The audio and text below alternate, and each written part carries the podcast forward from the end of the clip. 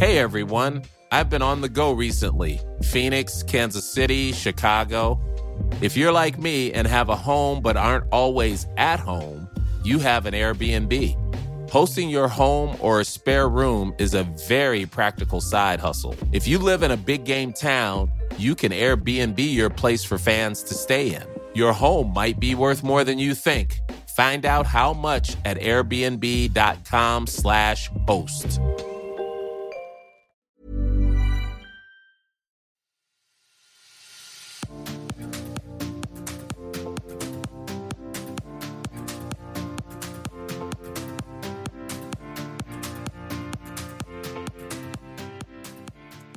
Hei og hjertelig velkommen til Sprekpodden, en ny podkast om trening, kosthold og helse. Dagens podkast skal handle om eh, livsstilsendring og hvordan du skal gjennomføre det på best mulig måte. Jeg heter Silje Dyrgrov, vil vel kalle meg en relativt ivrig hobbymosjonist som er sånn over middels interessert i disse temaene. Og de siste fem årene har jeg også vært så heldig å få jobbe med de på fulltid som journalist. Eh, Hver uke fremover skal jeg sitte her sammen med journalist eh, Halvor Ekeland, og kanskje du kan si litt om eh, din bakgrunn? Ja, i, i motsetning til deg så er det ikke jeg sånn kjempeivrig mosjonist, men jeg liker å se på at folk trener og utøver idrett. Eh, eh, har en utdanning fra idrettshøyskolen som trener og har vært trener i, i mange år uh, sjøl. Og driver selvfølgelig også litt med, med idrett fortsatt. Og skriver også da for, for Sprek, da, så det, det er min bakgrunn. Ja, og vi, Både meg og deg skriver jo daglig om eh, trening, kosthold og helse, og man kan jo trygt si at det er stor interesse Ja, eh, og mye å utforske. Ja. Eh, kanskje du kan si litt om hva vi skal ta for oss i podkasten i ukene som kommer? Altså, Sprek handler om å skrive saker som du nevnte, om trening, kosthold, helse. Og det kommer til å være treningstips og kostholdstrender trender og hva du bør følge, hva du ikke bør følge. Kanskje litt sånn skadeforebyggende råd og, og litt forskjellige sånne ting. Så vi skal prøve å liksom dekke, dekke alt det som eh, folk forhåpentligvis da er eh, interessert i å, å få vite om trening, kosthold og helse. Ja, og Lurer du på hvordan du kan høre på oss fremover, last oss ned på iTunes, så kan du følge oss gratis rett inn på iPhonen din. Eh, I dagens podkast er jo det naturlig kanskje å ta for seg noe som veldig mange er opptatt av nå rett etter ferien. Eh, nemlig dette med å endre livsstil. Hva bør man spise, hvordan skal vi klare det, og hva, hva gjør vi hvis målet er å gå ned i vekt? Eh, og i dag har vi med oss eh, klinisk eh, ernæringsfysiolog Tine Sundfør. Eh, og det nærmest vrimler jo av råd eh, og dietter som alle lover å fjerne ekstra kilo på null og niks, og kanskje også gjøre deg sunn i samme slengen. Hvordan skal man vite hva som er rett og galt her? Nei, Jeg skjønner jo at folk blir utrolig frustrert og oppgitt, faktisk. Men det er jo sånn at det er faktisk ganske mye som er rett og galt. Det er egentlig mange veier til rom også på dette området. Sånn at det, du kan gjøre mange endringer som kan være bra. Men det jeg tror veldig mange skulle tenke litt mer på, det er litt å gå i seg sjøl og tenke gjennom er dette noe som er gjennomførbart. For det er en del ting som kan være jo da. Sunt nok det. Du, må, okay, du kan kaste deg uti og si at jeg skal bli veganer fra i morgen. Kjempesunt. Hvis du gjør det på riktig måte. Leser nok om alle ting du da må passe på for å få i deg alle næringsstoffene. ikke sant? Går inn eh, i dette for fullt. Men spørsmålet er kanskje er jeg villig til å gjøre dette over tid. For det er jo de tingene man klarer å fortsette med, som gir noen helsegevinst. Det er mye bedre å trene to dager i uka og fortsette med det, enn å trene sju dager i uka i to uker. Men Hvilke ting er det som er lett å klare å holde på over tid, da? Ja, nei, jeg vet ikke. På den ene siden kan du si at ingenting er lett, og på den andre siden kan du si at alt er lett. For veldig mye av det, det sitter i huet. For hvis du går i gang med en ting, og så er det sånn at du, du tenker at dette her tror jeg at det får det til, får til, så får du det jo også mye bedre til. Og jeg ville sagt til folk at det, det som er veldig lurt, det er kanskje å begynne det aller første jeg ville gjort hvis jeg skulle begynt å endre meg, det er egentlig å begynne med å tenke med hva er det som er mine hovedutfordringer? Og hvordan finner man ut det? Jo, gjør en kartlegging av deg sjøl. Hvis du skal sette i gang og pusse opp huset ditt, så begynner du ikke bare litt på ett rom og litt på ett rom. Og, ikke sant? Du har en plan. Og det er veldig mye det samme som gjelder her. Gjør, først Begynn med å skrive mat- og treningsdagbok i en uke. De fleste får seg en aha-opplevelse da. Veldig mange av oss har en sånn tanke om at å, jeg spiser jo alltid masse frukt og grønnsaker, f.eks. Og så har man registrert en uke, og så ser man at men den dagen der så var jeg jo på fest. Og akkurat den dagen så var jeg ute med jobben og spiste. Og den dagen ble det jo overtid. Så de dagene fikk jeg det egentlig ikke til. Ikke sant? Så får man det til imellom. Og det samme med trening òg. Jeg vet ikke hvor mange av oss, meg inkludert, som tenker at ja, ja, jeg trener jo alltid fire dager i uka. Men det er bare det at når du begynner å se på ukene, så er det så mange ting som gjør at det, det snur seg litt. Det er veldig gøy at du sitter og refererer livet mitt her uh, nå. eh, jeg kjenner meg veldig igjen i det der med en dag så er jeg liksom ute og ta, spise med jobben, f.eks. Og så ja, men jeg kan ta meg én liten sjokoladebit til kaffen, eller et eller annet. Altså, akkurat i dag er jeg så trøtt, og akkurat i, Ikke sant. mm. Og der ligger vel egentlig veldig mye av greia. At vi har ofte veldig mange unn... Altså, det er veldig rart, for vi setter oss et mål. Vi har lyst Ja. til å gjennomføre Ja, det. ja, ja. Og vi vil oppnå dette. Men så allikevel så driver vi med veldig mange litt sånne saboterende tanker for oss sjøl. Vi lager mye unnskyldninger for oss selv. Ja. Og der ligger nok veldig mye av det. At masse, veldig mye av det som går på å få dette til, ligger i det der å faktisk gjennomføre. Mm. Og her sånn så er vi jo inne i et sånt element Vi har to veldig kjente endringspsykologer som heter Prokasjka og Di Clemente. Og de snakker mye om det at man kan være i en sånn avveiingsfase før man kommer i handlingsfasen. Mm. Og okay. avveiningsfasen, det er veldig der på den ene siden så burde jeg sånn og sånn, men jeg vet ikke om jeg orker i dag. Mm. Men er det en sånn motivasjonsgreie? At man liksom ikke klarer å gjøre det? Det er jo det, og, Ja. og det er også Men den avveiningsfasen den er oftest nødvendig også, da. Så Ja. vi må kanskje godta at jeg må være litt i den, men så må vi klare å komme oss videre over i handling. Mm. Avveiningsfasen er jo egentlig utrolig slitsom. Vi driver og bombarderer oss sjøl med alle ting vi burde gjøre, og så gjør vi det ikke. Nei. Nei. Så det er jo bare veldig deprimerende. Det er litt overraskende å høre deg, Halvor, si at du eh, sliter med dette. Du som har Nei. eh, bakgrunn fra Norges idrettshøgskole og alt mulig. Hvordan klarer ikke du dette her? Gjør som jeg sier, og ikke som jeg gjør, er vel egentlig det, det som er prinsippet der. Nei, altså, jeg, jeg er veldig flink til det noen ganger. Noen ganger så er jeg veldig flink til det, men jeg er veldig god til å være i den avveiningsfasen for så vidt. Da. Men jeg har jo perioder hvor, hvor det har vært lang, lengre perioder hvor jeg har vært veldig flink. Mm. Og så har jeg drevet med idrett sånn på, på et visst nivå, så det kom liksom til et, til et punkt der hvor jeg ble litt sånn lei av det å være flink og skulle trene hele tida og spise riktig. og liksom jeg ble- litt lei av det. Da og Da gikk jeg selvfølgelig, Med en gang jeg slutta med idretten, så gikk jeg opp i vekt og, og ble dårligere trent, åpenbart. Og, og så har jeg liksom kanskje aldri helt klart å komme inn på det, det sporet igjen. da. Og så er jo kanskje litt av utfordringen det derre har du ikke Man kan si man har lyst, men jeg tenker har du lyst nok? Ja, mm. Har du så lyst at du er villig til å gi opp og se den episoden og et eller annet greier, og Mm. heller ta på deg treningstøyet? Mm. Har du så lyst at du er villig til, når du akkurat står i kantina, å droppe den der vaffelen Ja. og holde deg til salaten? Ja. Eller har du bare så lyst at du driver og snakker om det? Men hvor Mm. viktig er det å holde seg eh, til planen da, og ikke vike fra den? Jo, jeg tenker at det, det er viktig å holde seg til planen, men da er det jo samtidig viktig at planen har noen avvik. Mm. Ikke sant? Det er viktig at, eh, at planen inneholder også at det ikke heter at eh, skal, altså Når folk bestemmer seg for at 'jeg skal aldri spise sjokolade mer', det er det Mm. dummeste jeg hører. fordi da etter tre uker så har du antageligvis ikke klart å holde deg til planen lenger. Nei. Og da kan du si 'ja ja, failure this time', ikke sant. Ja. Fikk det ikke til denne gangen heller. Mm. Men hvis du istedenfor sier at 'nei, nå skal jeg bestemme meg for at jeg skal bare spise sjokolade f.eks. en dag i uka', da. Ja. Mm.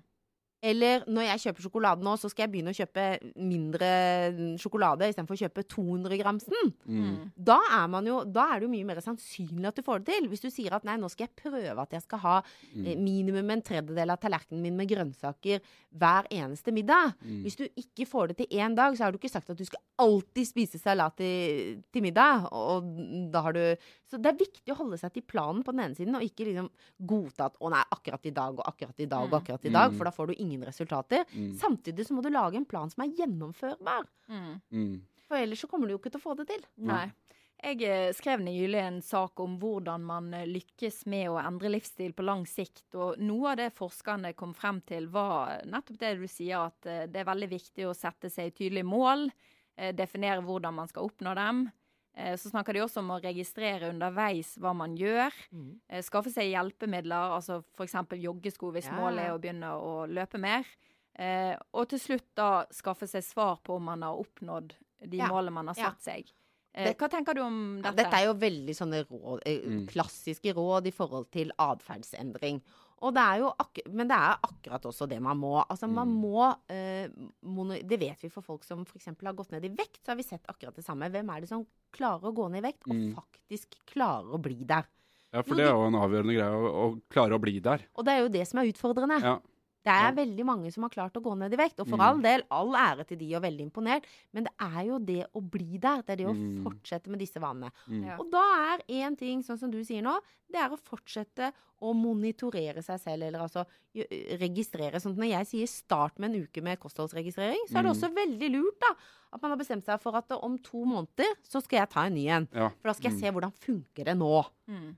Ikke sant? Hvis du har bestemt deg for at du skal eh, ha et mål om å, å gå ned i vekt, da, så må du faktisk, selv om jeg er frista til å si til folk kast badevekta, men du Mm. kan egentlig ikke det hvis du har gått ned fra 120 til 100 kilo. Så må du faktisk ta den vekta. Ja. Ikke hver dag, da blir du jo gæren i huet hvis du Ja. skal gå på den tre ganger om dagen, og det er ikke sunt. Mm. Men f.eks. én gang i uka, og ikke bare gå på den, men Mm. skriv ned. Vær Ja. ærlig med deg sjøl, for det er Mm. veldig lett at det, ja, 103,5 den ene gangen og 103,9 den neste gangen, det er nesten det samme. ja, og så er, det, så er det Og så er det egentlig litt som- forskjellig. Ja. Og, så lager man seg sånne nye mål. Nei, nå skal jeg ikke over 85. Nå skal jeg ikke over 90. Nå skal jeg ikke over Og så sklir man sakte, men Ja. sikkert den vei. Ja. Så da må man både monitorere de eh, faktiske endringene man gjør, Ja. og det. mm. Eh, Jeg vil bare stoppe dere litt og benytte anledningen til å gjenta at eh, om du vil følge oss i ukene som kommer, så kan du laste ned Sprekpodden på iTunes, og dermed følge oss gratis rett inn på iPhonen din. Så har vi jo en Facebook-gruppe også. Ja. Sprek eh, følges Sprek på Facebook. Ja. Der kommer vi til å være mer aktive, i hvert fall framover eh, nå. Og kan også etter hvert eh, motta leserinnspill eh, på den Facebook-sida. Men det er jo også, som du sa i stad, Silje, det med å skaffe seg hjelpere. Så tenker jeg at eh, jo da, flott med joggesko hvis du skal jogge, men de hjelperne de fleste av oss trenger, det er faktisk at vi trenger noen sparringspartnere. Ja. Noen andre. Det ser vi jo når vi jobber med atferdsendring. Når jeg har jobba f.eks. i forhold til overvekt, så er det å jobbe, ha Mm. grupp, jobber i gruppe, det er mye, mye mer effektivt enn én og én. For hvis jeg sitter og øh, forteller folk hva de skal gjøre, så tenker jeg at hun derre Salatdama har aldri gjort hele sitt, noe annet hele sitt liv. Men hvis det derimot er sånn at jeg spør folk om har dere noen tanker om hvordan man får det til, og Marius på andre sida sier at eh, sånn og sånn har jeg gjort det, ja, så syns jo Hilde på den sida at hm, Marius har jo hatt det likt som meg. mm. Han skjønner meg jo.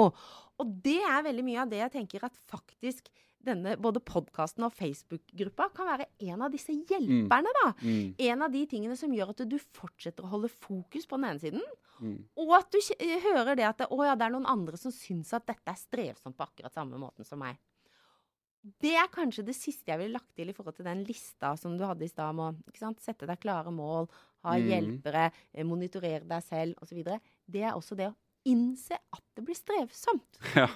Ja. Ja, for, men det, det ser jeg for meg at eh, mange, mange kjenner på, hvert fall etter hvert, at, eh, når, det, når det begynner å bli strevsomt. Og eh, jeg har tenkt, og det, det, tror jeg har lest noe forskning på det også, på det at det er viktig å, å uttale det, kanskje hvis du har en samboer f.eks., si at nå skal jeg faktisk gjøre det her, Mm, og så få hjelp hjemmefra. mm. Ikke sant? Uh, til ikke å spise uh, den uh, kebaben eller hva det skulle være til middag. da, At man lager seg et eller annet ordentlig. Eller ikke ta, kjøpe den sjokoladen på butikken eller et eller annet sånt. Når man får hjelp hjemmefra da, så vil det være mye enklere å oppnå de målene. Og det du egentlig snakker om nå, det er at det først så finner man ut på en måte hvor Mm. ligger mine utfordringer. Hva er mine hindringer? Hva er det som gjør det vanskeligere for meg? Og så sier vi gjerne i atferdsterapien på en måte hva er det jeg kan gjøre nå for å gjøre det lettere Ja. å få det til? Ikke Ja. sant? Hvilke ting, hvordan kan jeg gjøre det lettest mulig å gjøre gode valg? Mm. Og da er det jo veldig sånn at hvis man har noen rundt seg i nærmiljøet som er med på å hjelpe til, så det er ikke bare du som lager sunne middager.